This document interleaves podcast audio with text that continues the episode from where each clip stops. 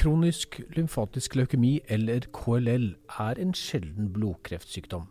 Hvert år får rundt 340 mennesker i Norge diagnosen KLL. I denne podkasten skal vi belyse sykdommen, diagnosen og ikke minst behandlingen av KLL. Med oss for å gjøre dette er Geir Kjønfjord, spesialist i blodsykdommer og leder for avdeling for blodsykdommer på Rikshospitalet. Han er også professor i hematologi. Han er en av nestorene innen behandlingen av KLL i Norge. Vi har også med oss leder i Blodkreftforeningen, Olav Jøsne, som jobber utrettelig med å informere pasientene om sykdommen, og for at pasientene skal få den best tilgjengelige behandlingen. Og vi snakker ikke minst med Halvdan Ilen. Han er pensjonert lege, men fikk KLL i 2013. Han fikk til slutt prøve det aller siste innen legemiddelbehandling, og reddet livet med det. Nå er han frisk og bruker ikke noen medisiner mot KLL. Velkommen skal dere være, alle tre. Aller først til deg, Geir Kjønfjord. Eh, du, er jo, eh, du, du er jo, jobber jo med dette feltet til daglig og ser mange pasienter med denne diagnosen.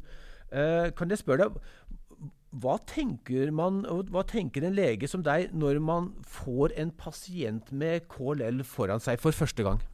Det er først og fremst å eh, kunne eh, bort litt eh, uro og angst. De aller fleste pasientene, det er nesten ikke unntak, får påvist sykdommen ved en tilfeldighet. At de tar en blodprøve i en eller annen sammenheng og får påvist økt mengde hvite blodlegemer. Og majoriteten av de som får diagnosen, kommer aldri til å trenge behandling. Eh, så eh, det som vi pleier å gjøre, er å få et inntrykk av eh, hvor denne aktuelle pasienten hører hjemme. En som har en god prognose eller forventet normal levetid og kanskje ikke trenger behandling. Mm.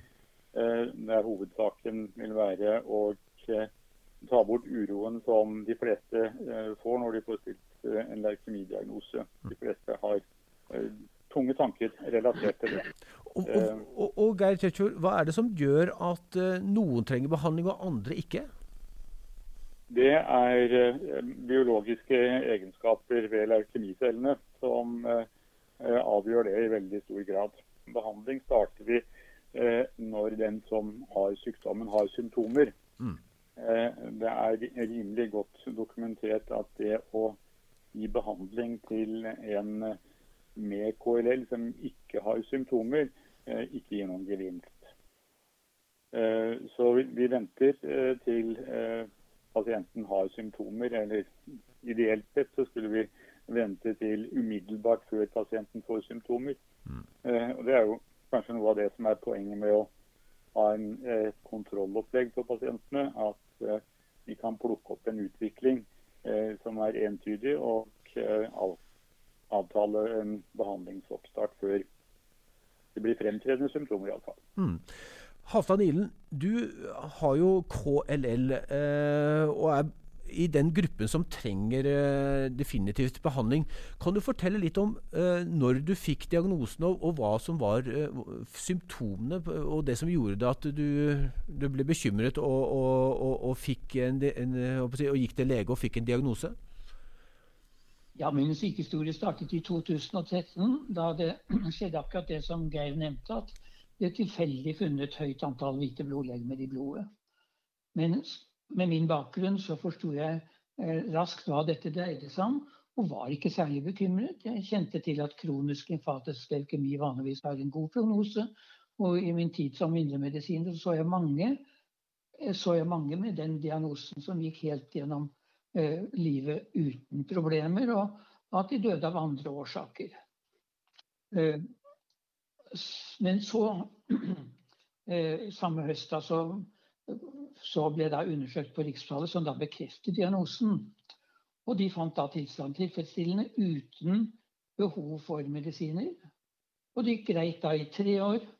Men så våren 2016 så begynte jeg å bli tungpusten ved gange i trapper og det ble påvist en lett anemi. Så da, eh, da eh, startet da behandling eh, med forskjellige medisiner. Men i tillegg, før man startet behandlingen, så ble det gjort en eh, sånn undersøkelse av genmaterialet i blodlegemene. Og da fant de to alvorlige defekter som gjorde at jeg hadde nok en mye mer alvorlig sykdom enn, enn jeg hadde håpet på forhånd. Mm. Er det, er det, Du er en blant de som har vært skal vi si, litt uheldig, da, at du har en, eh, en genprofil som eh, Geir Kjønfjord var inne på, som, som, eh, gjør at du utvikler en mer alvorlig form for KLL? Ja, det stemmer. Kan jeg spørre deg, hva, Hvordan arter nå sykdommen seg for deg? Etter lang tids behandling og avsluttet behandling, så er jeg frisk komplett remisjon, kalles det. Og da finner man ingen tegn til, eh, til sånne kreftceller i blod eller benmarg. Det er jo utrolig gode nyheter, Halvdan Nilen. Vi skal komme litt inn på hva som var veien inn for å, å, å få eh, remisjon, som, som du, du, kaller det. Eh, men hvis vi går over til deg, Olav Ljøsne. Du er jo leder i eh, Blodkreftforeningen og organiserer alle pasienter i Norge med blodkreft, og dette er jo, KLL er jo en del av, av den, det området som dere organiserer medlemmer på. Eh, hvordan, hva kjennetegner vil du si, pasientene, medlemmene, som har KLL? Det som preger pasientene, er usikkerhet. De føler mangel på informasjon, og veldig ofte er den informasjonen de har, ting som er kommet fra nettet. Fordi eh, fastlegene kan lite om diagnosen og om symptomene. De eh, leser jo handlingsforløpet og ser at en pasient som, har, eh, som ikke da skal inn til videre behandling, kan leve godt med sykdommen, som dere har sagt. Og likevel så skaper dette mye usikkerhet hos pasientene. Eh, fastlegene kan eh, lite. Som du sa innledningsvis, så er dette en sjelden sykdom. Og de anser den i utgangspunktet som en ufarlig sykdom. Det er, det er en feedback, som er en melding som vi får fra, fra veldig mange hos oss. De blir ansett for å være ufarlig, men uh, skaper samtidig veldig mye usikkerhet og de føler ikke trygghet rundt en sånn beskjed fra en fastlege. Mm. Så det er, det er, den meldingen vi får inn. Som jo også får meg til å konkludere at universitetssykehusene og hematologene, spesialistene, må inn i bildet på et tidligere tidspunkt enn det som har vært tradisjonen til nå. Mm. Geir Kjødfjord, hva, hva, tenker du om det som Olav uh, Ljøsne her sier? Uh, det er for lite kunnskap ute i primærhelsetjenesten om eh, KLL? Ja, det er eh, det som Olav sier. Det avspeiler vel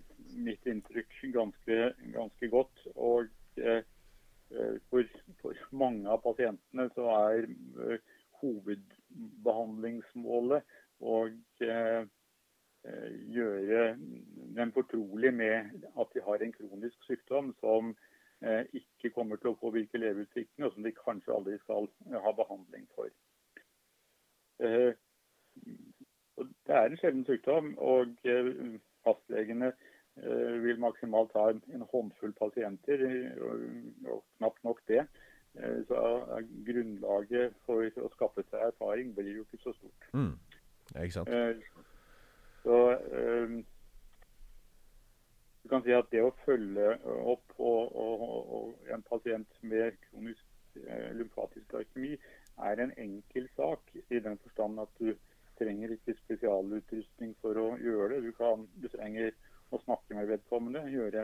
undersøkelse og ta noen enkle blodprøver. Men det er det å formidle eh, resultatene og eh, eventuelt tryggheten som bør følge med, som er viktig.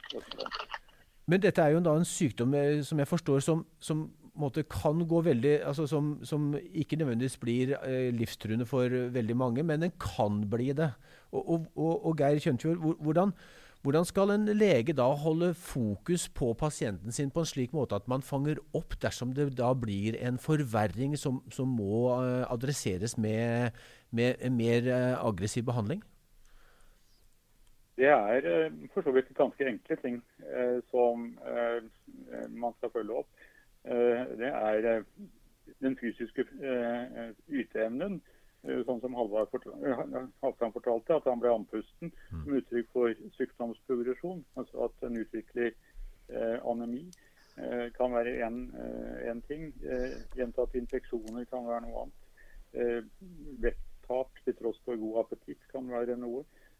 og så vil jo det å gjøre en klinisk undersøkelse med hensyn til lymfeknutesvulst og eh, forstørret lever og milt være ting som er sentrale. Og eh, det å kontrollere eller se hvordan blodprosent utvikler seg over tid, hvordan det går med blodplater osv., som sier noen ting om, om en utvikling. Enkle parametere eh, som eh, skal følges. I, I, prinsippet kan en hvilken som helst doktor gjøre det, men det er tolkningen og, og formidlingen av resultatene som, eh, som, krever litt erfaring. Ikke sant. Eh, Halvdan Ilen, kan ikke du dra oss litt gjennom sykdomsforløpet ditt? Du, du sa at du fikk eh, diagnosen i 2013. Eh, og, og, så utviklet den seg til å bli eh, svært aggressiv. Eh, fortell oss litt om dette. Ja, Etter at man hadde typebestemt denne sykdommen, da, altså Eh, undersøkte den genetiske defekten i, i cellene, så, så, ble det startet behandling ganske raskt. Men først og fremst pga. at jeg hadde symptomer. Mm. Og i løpet av ett år så fikk jeg til sammen tre medikamenter av ganske ny type, som egentlig skulle være ganske lite bivirkninger og bare treffe disse cellene ganske, ganske selektivt. Først så fikk jeg Ibrutinib, Imbruvika, eh, som preparatet heter. Og så deretter så fikk jeg Idalisib Sydelik. Mm. Og til slutt Alemtusumab Lemtrada. De som hører på, kjenner kanskje igjen noen av disse medikamentene. Men det som var problemet med disse, det var at jeg fikk utslett, kraftig utslett av alle medikamentene og måtte, måtte, slutte med dem. Og de to siste ga meg også høy feber og meget høy senkning. Mm. Og jeg var flere ganger sykehusinnlagt i lang tid og ble behandlet for mistenkt infeksjon. Kanskje først og fremst pga. Eh, den meget høye senkningen. Eh, men jeg hadde ikke det. Jeg hadde eh, toksiske effekter av medisinene. Og det var jo en svært besværlig periode for meg. Det er mange som beskriver at dette går veldig bra, men det gjorde det slett ikke med disse tre medikamentene for meg. Mm. Så da gjensto det bare ett av medikamentene av disse nye typene, nemlig Venetoclax eller Venclixto. Men dette var imidlertid ikke godkjent for kronisk lymfatisk leukemi i Norge. Og det ble da startet en prosess som strakk seg over måneder om høsten 2017 for å få anledning til å bruke dette medikamentet likevel.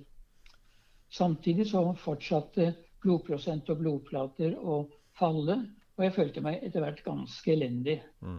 Jeg måtte ha gjentatte blodtransfusjoner, og jeg var altså ganske oppgitt. Men så, så fikk man da tillatelse til å bruke Venclixton. Og det skjedde uten bivirkninger. Og gradvis så, så falt antall hvite, blodprosent og blodplater steg, og jeg følte meg betydelig bedre. Og i mars måned 2018 så ble antistoffet rituximab eller Rixaton gitt i tillegg. Også dette uten bivirkninger. Og Utover våren så bedret tilstanden seg fortsatt, og jeg følte meg etter hvert frisk. Og I august måned 2018, etter et halvt års behandling, fant man ikke tegn til restsykdom, det som jeg da nevnte eh, medisinerne kaller komplett remisjon.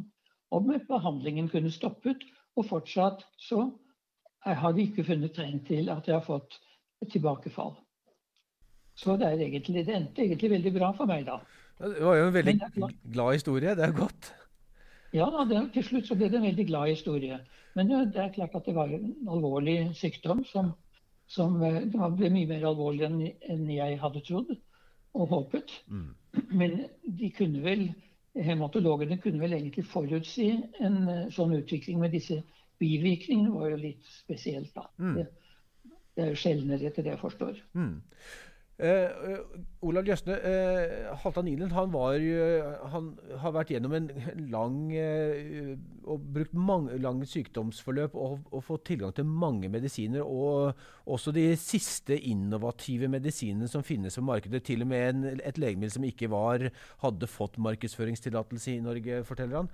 Hvordan jobber dere i Blodkreftforeningen med å sørge for at, at pasientene i denne pasientgruppen får tilgang til eh, si, den beste behandlingen og, og, og, og, nye medisiner? Dette er et komplisert spørsmål i Norge, og vi prøver jo så godt vi kan å påvirke myndighetene til å ha en raskere saksbehandlingstid av eh, eh medisiner som har fått markedsføringsgodkjennelse i Europa. At det også skal da komme inn på det norske markedet snarest mulig. Slik at pasientene slipper å vente på disse. Så det er, eh, har vært en prioritert sak hos oss som vi jobber med hele tiden. Å påvirke Beslutningsforum, påvirke politikere, påvirke nye metoder og hele det systemet som er involvert i godkjenning av medisiner som skal inn på markedet. Det, det, det, er en helt klar prioritetssak. og det, det, jeg har lyst til å nevne i tillegg, som er viktig her, det er også åpning og mer aktiv bruk av klinisk forskning. Mm. Dvs. Si forskning med nye medisiner, nye preparater. Selv preparater som ikke nødvendigvis har godkjenning i Norge, og få de inn på testing hos pasienter. Mm. Det er, en, eh, det er en, et forhold som vi prøver å i hvert fall påvirke at det blir brukt mer. Og jeg vet at det har vært relativt lite klinisk forskning på KLL-medisiner i Norge. Mm, det er ikke sant. Eh, jeg må spørre deg, Geir Kjønfjord. Eh, nå har jo Halvdan Ilen eh, han, han, var gjennom et, et, langt behandlingsforløp og fikk prøve mye medisiner. Noen virket ikke og ga alvorlige bivirkninger, mens andre hadde, ga jo da en, en, en oppsiktsvekkende god effekt, slik at han er nå er jo i realiteten frisk. I alle fall har eh, fullstendig remisjon. Eh, det siste han fikk prøve, var jo persontilpasset behandling, eller persontilpasset medisin. Hvordan er det man kan, og dere som lege, kan, kan skreddersy pasientbehandlingen for pasienter som er så alvorlig syke som Halvdan Ilen var? Akkurat i, eh, når det gjaldt eh, den situasjonen til Halvdan, så, mm. eh, så, var det jo sånn at han, eh, hans leukemiceller hadde et eh, genetisk avvik som tilsa at eh, konvensjonell cellegiftbehandling, eventuelt kombinert med monokonalt antistoff, ville ha liten eller ingen effekt. sånn at den behandlingen som ble forsøkt, var tilpasset uh, de spesielle av, det spesielle avviket. Mm. Uh, så uh, møtte jo det problemet som vi av og til ser, er at det er bivirkninger av medikamenter som gjør at behandlingen ikke lar seg gjennomføre. Mm. det er jo ganske sjelden at vi har så fremtredende Eh, bivirkning at vi må eh, gi oss. Eh, en del av disse, disse nye medikamentene som Hassan nevnte, ibrutinib og idealisib, har en del oppstartseffekter. Men går man av en to-tre måneder, så pleier det som regel å gå seg til. Mm. Da fungerer det bra. Mm. Så, men, men, heldigvis så har vi nå et litt større repertoar å spille på. slik at uh, vi fant en, fant en, åpning med, med Venetoklaks mm. som uh, har, i likhet med de andre, veldig god effekt. Uh, Sjøl når det er sånne si, risikofaktorer eller avvik som gjør konvensjonell behandling lite egnet. Mm. Dette er jo en kompleks sykdom, og det krever kompetanse. Det er jo åpenbart en fordel å, å, å være lege når man blir syk. Man, eh, man sitter jo med et, et, et bedre kunnskapsgrunnlag eh, og, og, kanskje vet hvordan eh, si, er i større mulighet til å, å, få en hjelp. Eller, eller hva, tenk, hva, er din erfaring med, med slike ting, Olav Jøsne?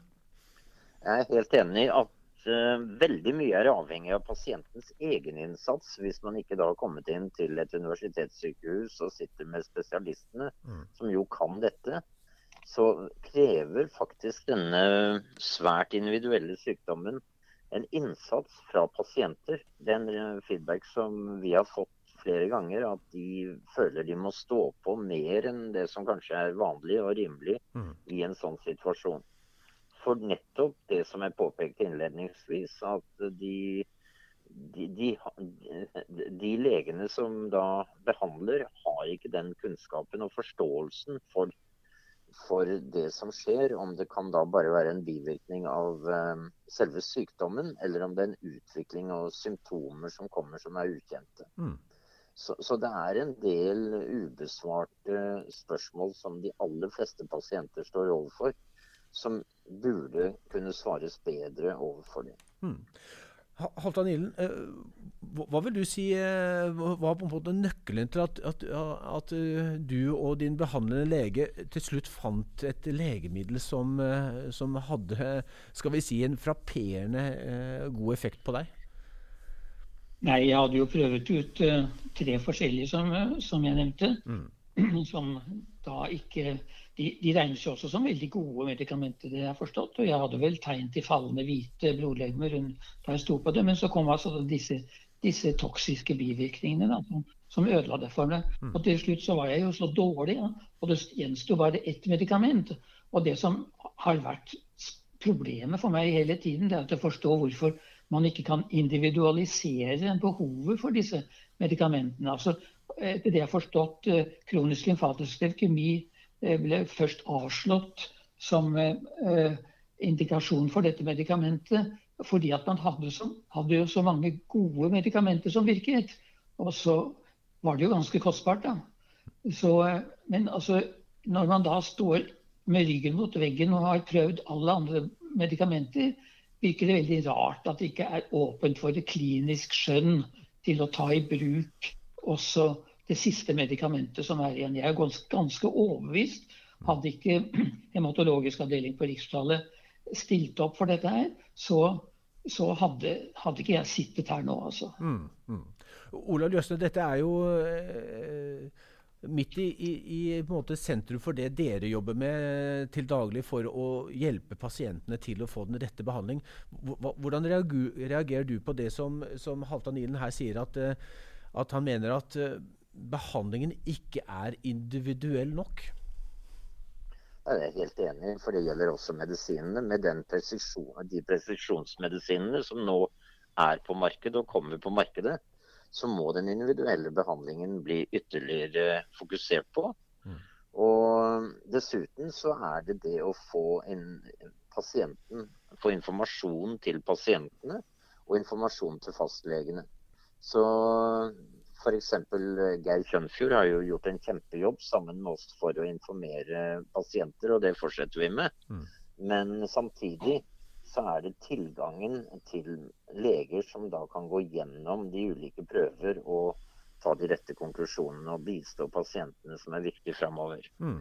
Men igjen, la meg også få frem dette med rundt dette med presisjonsmedisin og nye medisiner, så er videre forskning og klinisk testing med pasienter veldig viktig. Hmm.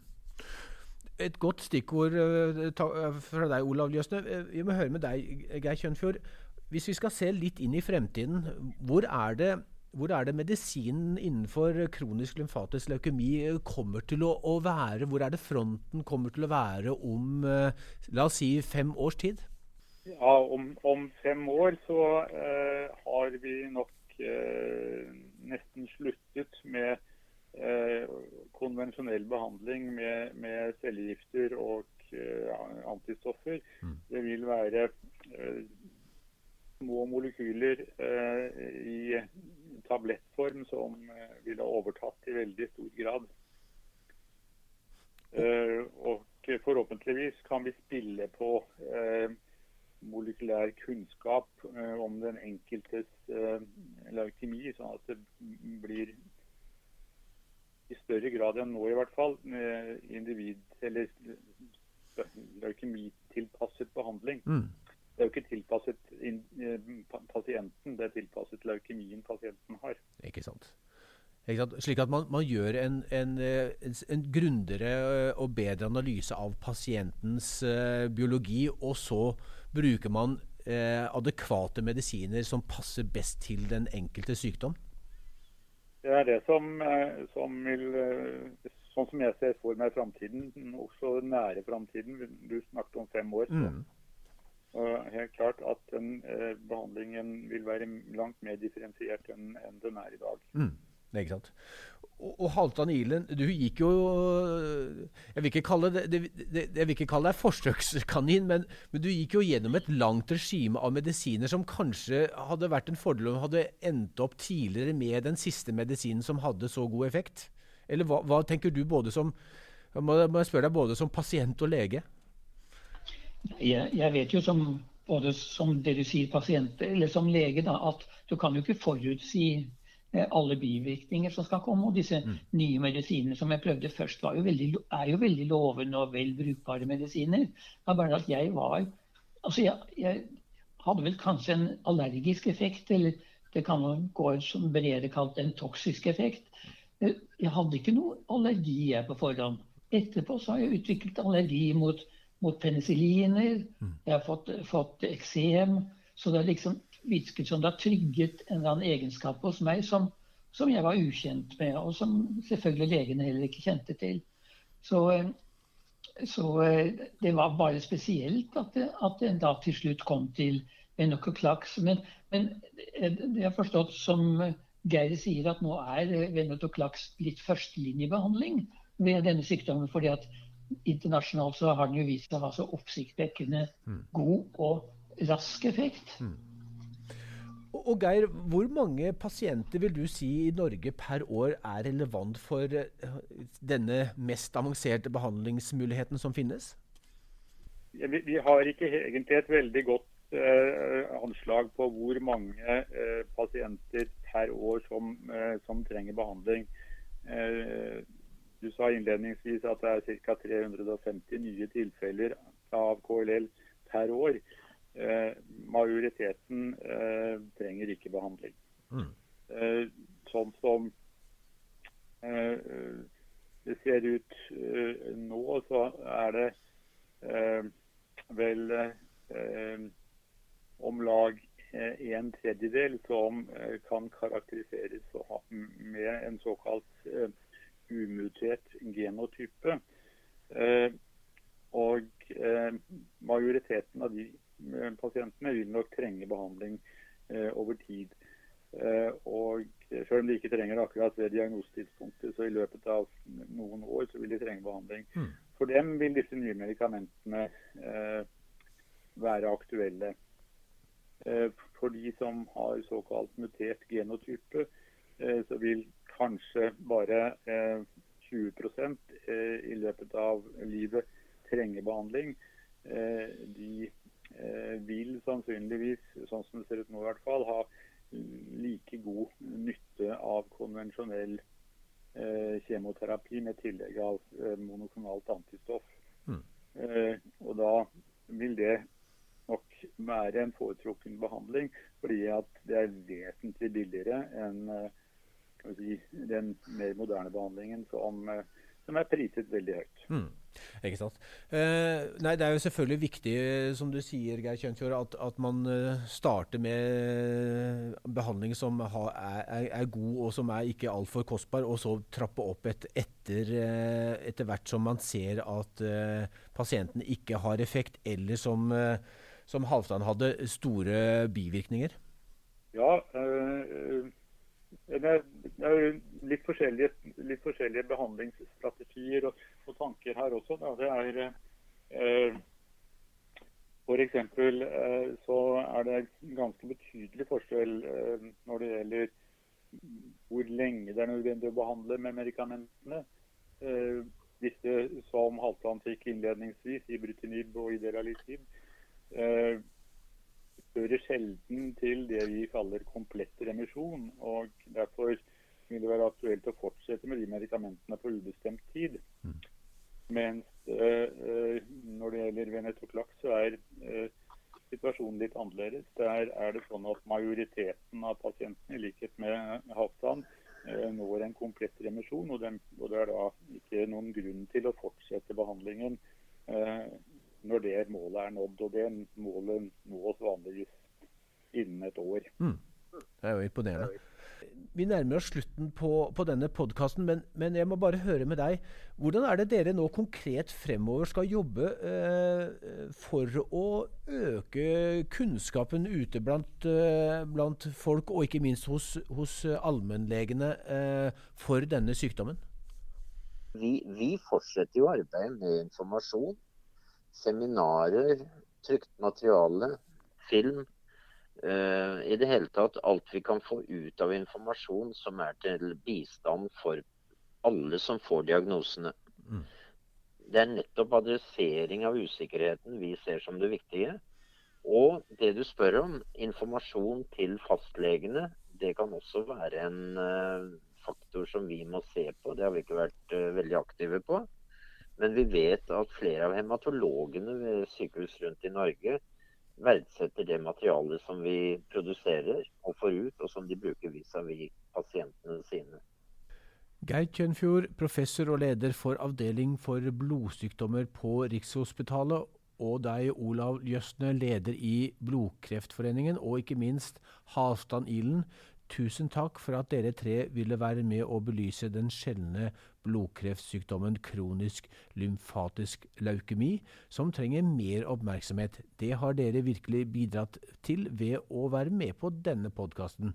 Men før vi runder av, Halvdan Ilen, om to timer skal du til kontroll på sykehuset for å se om du fremdeles er frisk.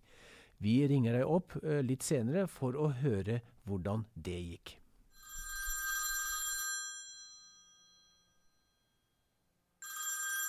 Halvdan Ilen, eh, sist gang vi pratet sammen, så skulle du rett på kontroll. Eh, kan du fortelle hva var eh, resultatet av kontrollen? Kontrollen var helt utmerket. Det var fortsatt ingen tegn til eh, tilbake Altså at eh, kreften dukket opp igjen. Mm. Det er jo sånn at den kan dukke opp igjen, så man er jo alltid litt spent. Mm. Og så Noe av problemet her det er at at denne, Det er jo en snikende sykdom, dette. Det vet jo alle som har den. Sånn at eh, selv om man føler seg frisk, så, så kan det jo være at den begynner å røre på seg. Men heldigvis så var det ikke det. Og nå gjør du og kona deg eh, klar til å dra på hytta, skjønner jeg? Ja, det er vi. Så det er ikke ved sjøen og vi skal ikke oppover på ski og sånne ting. Vi skal på ei hytte som ligger langt fra folk, så vi, det er ikke noe fare for noen mennesker. Nei, det er veldig bra. Eh, kos dere virkelig på, på, og, og, masse på, på, hyttetur. Eh, så snakkes vi igjen, Halvdan. Det gjør vi. Takk skal du ha. Hei. Supert. Hei, hei. Takk for at du lyttet til denne podkasten. Jeg er Hans Andersen og er redaktør i Healthtalk. Mens du fremdeles er her, følg oss gjerne på Spotify, iTunes eller der du lytter til podkaster. Om du likte denne podkasten, del den gjerne med dine venner. På gjenhør.